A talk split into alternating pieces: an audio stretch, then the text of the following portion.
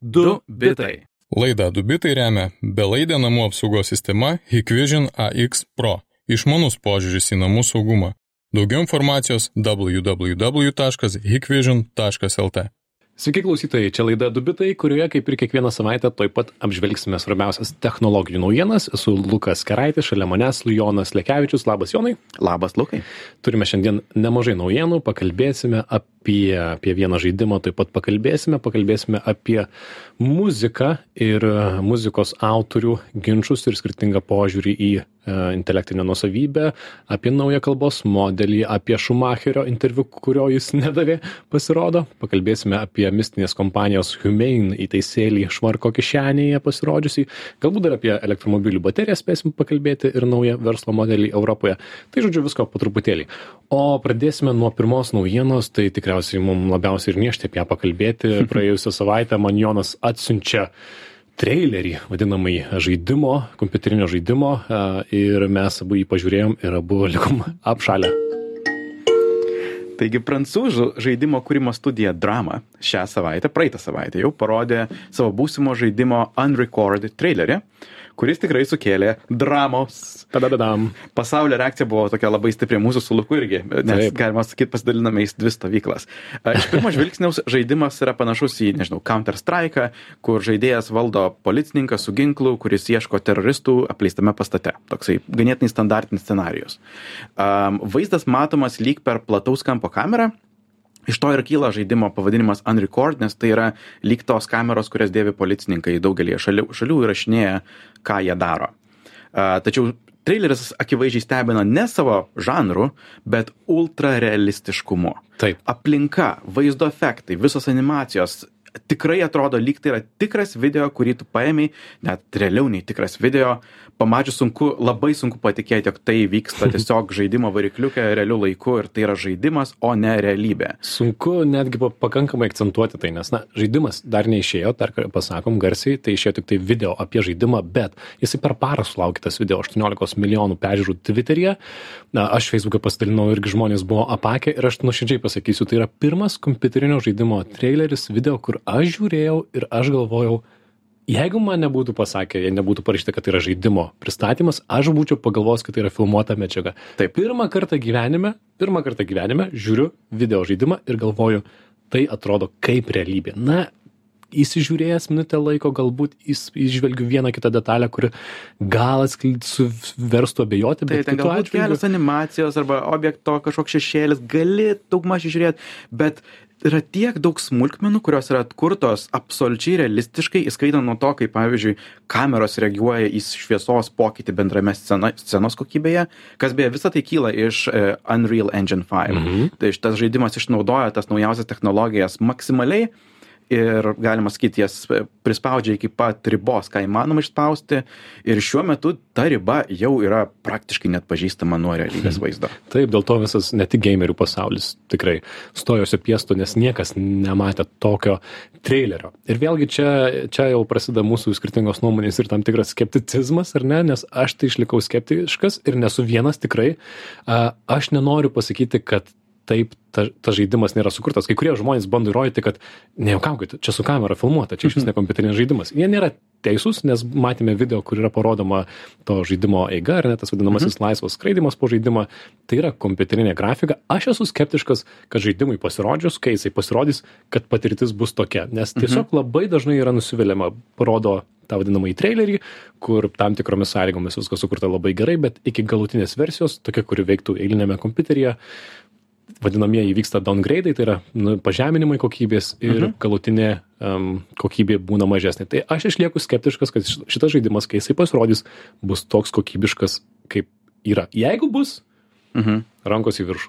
Gali būti. Mano paties reakcija nebuvo tai, jog, o, aš būsiu nusivylęs kokybę. Mano reakcija buvo, wow, čia yra per daug realu, tiek, jog aš nenoriu žaisti to žaidimo. Nesąmonė. Visiškai. A, Nesąmonė. Aš tai, nu, aš tai, a, tai yra taip realu, kad aš noriu žaisti dabar tą žaidimą. Nes, nes, žinai, to panašaus žanro žaidimai, su kuriais aš esu susidūręs, nežinau, Team Fortress arba Fortnite arba Overwatch 2, jie visi yra tokie animaciniai.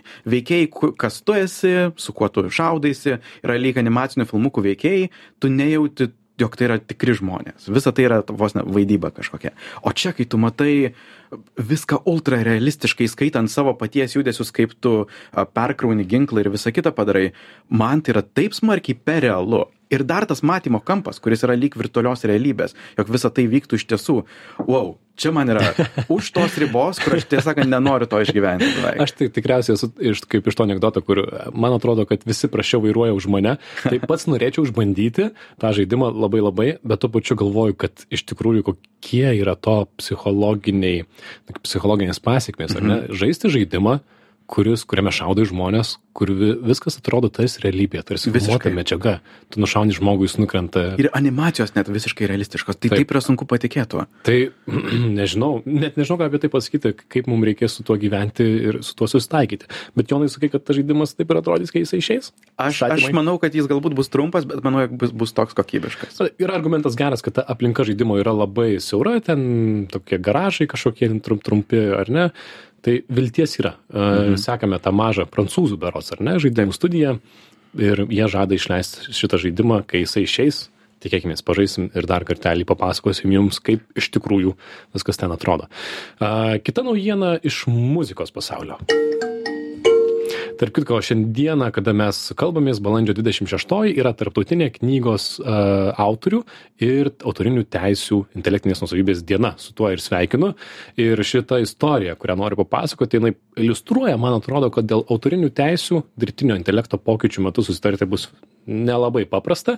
Ir e, mes rudenį, žiemą nemažai kalbėjome, visi žino apie tuos diskusijas paveikslėlių pasaulyje, kam priklauso paveikslėlis, jeigu jis sukuria dirbtinis intelektas, iš ko gyvens menininkai ir panašiai. Taip panašiai keliasi į muzikos pasaulį.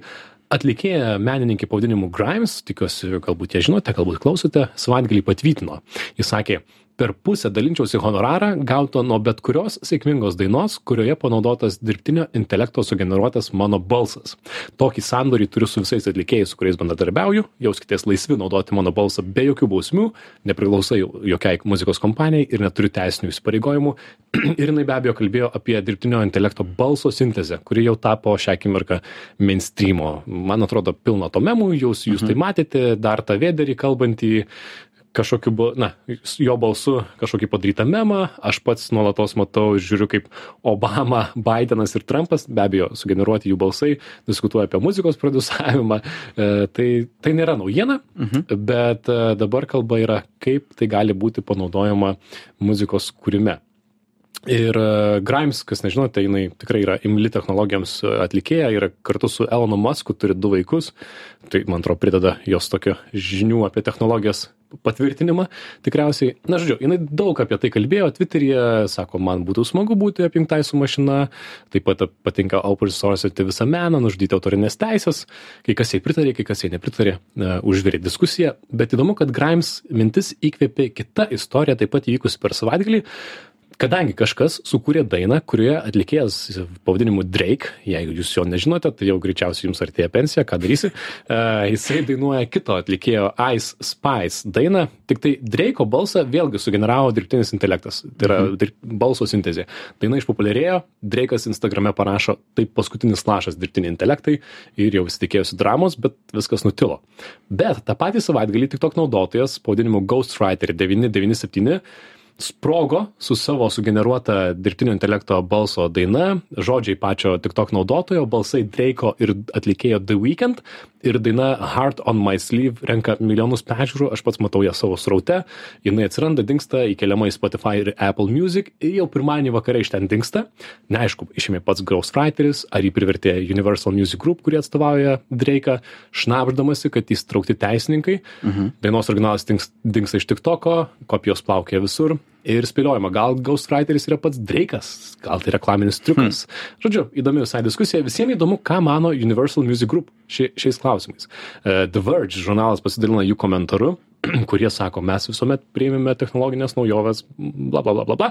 E, Visgi generatyviniu dirbtiniu intelektu a, apmokymas mūsų muzikos pažeidžia autorinių teisų, taip pat ir muzikos streamintojų įstatymus. Dar įdomiau, jie sako, dirbtinio intelekto naujovės kelia klausimą, kurioje istorijos pusėje nori būti muzikos ekosistema suinteresuotos šalys mm -hmm. - fanų, atlikėjų ar žmogaus kūrybinės ekspresijos, ar deepfake'ų, apgaulių ir atlyginimo atlikėjams neigimo pusėje. Jo, dėl tų autorinių teisių viena yra, aišku, pavyzdžiui, autorinės teisės arba, e, nežinau, savo atvaizdui, tarkim, Mhm. e, vaizdui. Tai, tai yra viena. Su balsu, žinoma, jeigu tavo balsas yra unikalus ir net kartojamas, tai galbūt yra paprasčiau. Bet um, aš taip pat lygiai taip pat girdėjau diskusiją, jog, okei, okay, galbūt Universal Music Group pasakys, jog mes turim autorinės teisės į Drake balsą, bet jie tikrai neturės autorinių teisų į žmogaus, kuris skamba praktiškai taip pat kaip Drake. Taip. Ir lygiai taip pat gali ištreniruoti intelektą ant to paties balso ir, na, mūsų atpažinimo rezoliucija nėra tokia, jog mes net skirtume, kur jau yra tikras Drake'as, o kur labai panašiai skambantis. Geras pastebėjimas, Universal Music Group užima trečdalį muzikos rinkos, jie turi galbūt galę užregistruoti savo teisės taip, kad netgi žmogaus, kuris skamba panašiai į Drake'ą balsas, priklausytų jiem. Ir tada jau, wow, spa, spaudžiam autorinės teisės iki pat jų kraščiuko. Taip, nes ta ateitis, kai bus galima kažkokiame servise paprašyti, kad noriu dainos, kuri būtų kaip Taylor Swift stiliumi, vokalas Bruno Mars, tematika Harry Styles ir bus sugeneruota daina, tai yra netolima ateitis, tikrai tai galima įsivaizduoti, o kol kas turime tą sintezuotą balsą ir įdomu, kaip muzikantai ir neskirtingai tai reaguoja. Mhm. Dar įdomu, kad išeina The Financial Times straipsnis, kur Universal Music Group sakosi liepia muzikos platformoms Spotify ir Apple blokuoti dirbtinio intelekto įrankius, kurie skreipina, tai yra apmokymui ima jų atlikėjų melodijas ir dainų žodžius. Tad ne tik blokuoji tas dainas, kurios įkeltos, sukurtos panaudojant šią technologiją, bet ir neleidi technologijai būti apmokytai, kad, mhm. bet ar tai ne per vėlu, ar tai realistiška? Manau, visiškai nerealistiška. Ir e, viena įdomiausių turbūt diskusijų ir analizių, vėlgi, kurią girdėjau, kyla iš, manau, daug kartų minėto Ben Thompsono, e, kuris supranta, kokioje dilemoje egzistuoja Spotify. Spotify 80 procentų išlaidų yra tiesiog licenzijos um, šitiem visiems Universal Music Group, Sony ir taip toliau. Jie praktiškai visą tai ką mos, mes, mokame jiems, sumoka atgal tiems, kas mm. sukūrė muziką. Ir iš dalies todėl, pavyzdžiui, Spotify taip mėgsta podcastus, nes jiems tai yra pigu. Ir jeigu atsirastų labai daug dirbtinio intelekto muzikos, na, tikėtina, jinai būtų jiems pigesnė. Ha. Tad iš vienos pusės jie šiek tiek džiaugiasi tuo, kad yra mažiau muzikos, kuri priklauso šitoms mega, mega kompanijoms. Iš kitos pusės, tos mega kompanijos pilnai kontroliuoja Spotify likimą ir gali pasakyti, jog mes nebenorime rodyti savo muzikos pas jūs, mes atsimam ją. Tad toks labai įdomus virvės tempimas ir Spotify yra labai įdomioj verslo dilemoj. Ar skatinti dirbtinės intelektos muziką, galbūt net patiems ją generuoti, ar kaip tik užsiimti priežiūrą, labai įtempta priežiūra autorinių teisų. Mhm. Ir dilemų čia yra ir daugiau. Reikia priminti, kad mes esame kalbėję apie Google LM. E, Tai iš esmės buvo tyrimo popierius, kuriame paaiškinta, kaip galima paimti 3 sekundės bet kokio žmogaus balso ir jį nusintezuoti, nukopijuoti ir kalbėti, pavyzdžiui, mano balsu vos iš 3 sekundžių e, mano balso įrašo. Ir Google tyrėjai, jie sako, kad e, dėl rizikos tą technologiją panaudoti na, netinkamai, jie nepaviešino viso to, ar ne? Nes Mhm. jeigu jie paviešintų, mes visi užsimtume, a, nežinau, aš leisčiausi, net nesakysiu, ką aš daryčiau. Neišduosiu savo idėjų ir, ir gal tai ir nelegalu. E, Bet visi imtų visais galais kurti balsus kitų žmonių, žmonių pagalba. Tai labai įdomu matyti, kad diskusija vyksta a, muzikos pasaulyje, kuri pirmiausia ats- atsirado paveikslėliuose. Seksim ją ir toliau. A, Žinių radio klausytėm priminsime, kad girdite laidą pavadinimu Dubitai, aptarėme svarbiausias savaitės technologijų naujienas, jų yra ir daugiau. Jonas jums plačiau papasakos apie išleistą naują kalbos modelį iš Stability AI. Stability AI tai yra kompanija, kuri sukūrė Stable Diffusion, mūsų jau nemažai aptarė, apkalbėta, sėkmingiausia, kokybiškiausia ir populiariausia atvira vaizdų generavimo algoritmą, nes visi kiti, pavyzdžiui, dalai tikrai yra populiaresnis, Midjourney žymiai kokybiškesnis, bet jie visi yra už uždarų durų, prieinami tik tai per dažniausiai mokamas sąsajas arba šiaip ribotas sąsajas, negali tiesiog pasileisti savo kompiuteryje. O Stable Diffusion tuo ir įdomus, jog jis yra atviras, aš jį turiu savo kompiuteryje, galiu pasileisti bet kada ir generuoti vaizdus be interneto visiškai privačiai labai smagu. Tad a, jau prieš kelis mėnesius Sta- Stability AI buvo užsidavusi užuominų, jog kuria savo kalbos modelį panašų į ChatGPT arba Bard ir visi laukia nekantraudami ir štai praeitą savaitę a, išleido Stability AI savo modelį Stable LM, jų atvirą kalbos modelį. Jis e, kol kas yra prieinamas 7 milijardų ir 13 milijardų dydžių. Šitie skaičiukai savaime galbūt nieko nesako. Įdomu tik tai tai, jog jie sutampa su meta prieš tai išleistų lama modeliu. Ir labai panašu, jog visgi jie pasiskolino šiek tiek namų darbų iš to, kaip e, meta sukūrė savo kalbos modelį. Ir aš esu jau išbandęs, kokybė turiu pasakyti ge, gana gera, tikrai geresnė negu uh, Lama modelio. Ir sakyčiau, jog tai yra turbūt kokybiškiausias modelis iš to, kas yra ne chat GPT arba ne Bing, ne Bard.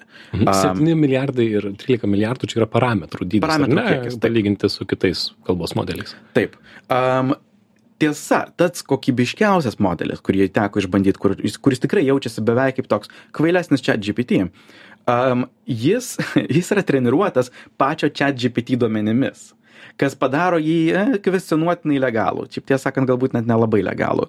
Um, bet jeigu jį naudoji nekomerciniais tikslais ir kitaip, galbūt, e, galbūt tai yra ok.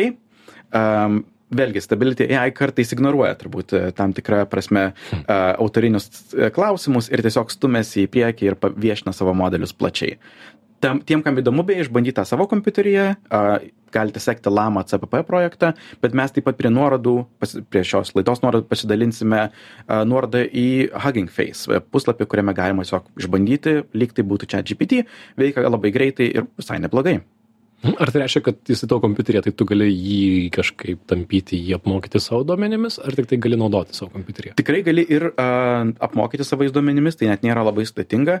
Uh, manau, šiaip labai įdomus panaudojimas bus, kaip uh, mes net praeitas kelias laidas jau kalbėjome tuos multiagentų modelius, kur vienas kalbos modelis iškviečia kitą kalbos modelį ir tokiu būdu gali atlikti gana sudėtingas užduotis. Šiuo metu to apribojimas ir kaina buvo grinai per apmokestinimą, nes tu turėdavai su kiekvienu modeliu kreiptis į ChatGPT API, mokėti pinigus, o dabar, kai viską turi savo kompiuteryje, ha, bus labai įdomu, kokias programas išvystys, nes iš tiesų turime atvirą kalbos modelį, kurį galima jau dėti į programas, kurios tiesiog veikia mūsų kompiuteryje. Čia yra pati įdomiausia, man atrodo, mintis tikrai, kad su ChatGPT, jeigu kažkas veikia, na, tau užtrunka tai implementuoti ar ne, bet jeigu turi ChatGPT pokalbio robotą savo kompiuteryje ir tau pavyksta, na, kažkaip ir pritaikyti savo verslo procesuose, automatizuoti reklamą, Mhm. e-mailus ar ne, niekas net nesupras. Visiškai tai privatu. vyksta automatizuotai, nes Taip. tai vyksta iš tavo kompiuterio. Ir Mhm. kažkas tiesiog mato, kad kažkas vyksta. Net, net jo kuriejai pokalbio, to pokalbio roboto nemato.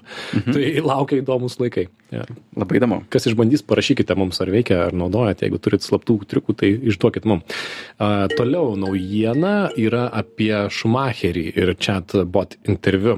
Uh, vyriausiai Vokietijos bulvarinio žurnalo Die Aktualė redaktoriai buvo atleista iš darbo po to, kai šiame skaitinėje pasirodė interviu su daugkartiniu Formulė 1 čempionu Michaelu Schumacheriu. Antraštė skelbia, pirmasis interviu su lenktynininku po avarijos. Tik e, esmė tokia, kad interviu vietoje jo, vietoj žmogaus atsakymus įsivaizdavo ir pateikinėjo chat GPT pokalbio robotas. Nes pats lenktynininkas 2013 metais slidinėdamas e, Alpėse per nelaimingą atsitikimą patyrė rimtą smegenų traumą, nuo to laiko apie jį, jo būklę, asmeninį gyvenimą žinome neda- nedaug, apie tai nenori kalba ir jo šeima. Ir pats interviu su neva e, lenktynininku sutiktas tikrai neigiamai. E, Daugelis, e, na, di direktorė leidybos žurnalo atsi- atsiprašė atleisdama redaktorę, pasakė, kad niekada neturėjo pasirodyti toks interviu. Ir, bet tai jau nutiko po to, kai Šmacherio šeima, šeima spaudai atskleidė planuojantį imtis teisinių veiksmų prieš interviu autorius, nes nors ant žurnalo viršelio buvo užrašas, tai skamba apgaulingai tikroviškai, bet ar tai ką nors mm. keičia? Aš manau, vienas vėlgi, bulva- bulvarinis žurnalas, turbūt e, skoningų sprendimų galima nesitikėti, bet itin neskoningas, manau, pasirinkimas yra to, tokiu jautriu klausimu naudoti dirbtinį intelektą. Taip, mažai ką mes turime pridėti, tiesiog tokia istorija, kuri nuskambėjo visur per internetą ir tikrai, na, parodanti, kad negalima dabar imti tuos naujus įrankius, pokalbio robotus ir daryti bet ką ir bet kaip. Um, ir tai, kad kaž, darai kažką naujo ir turi daug fantazijos, nereiškia, kad gausis gerai.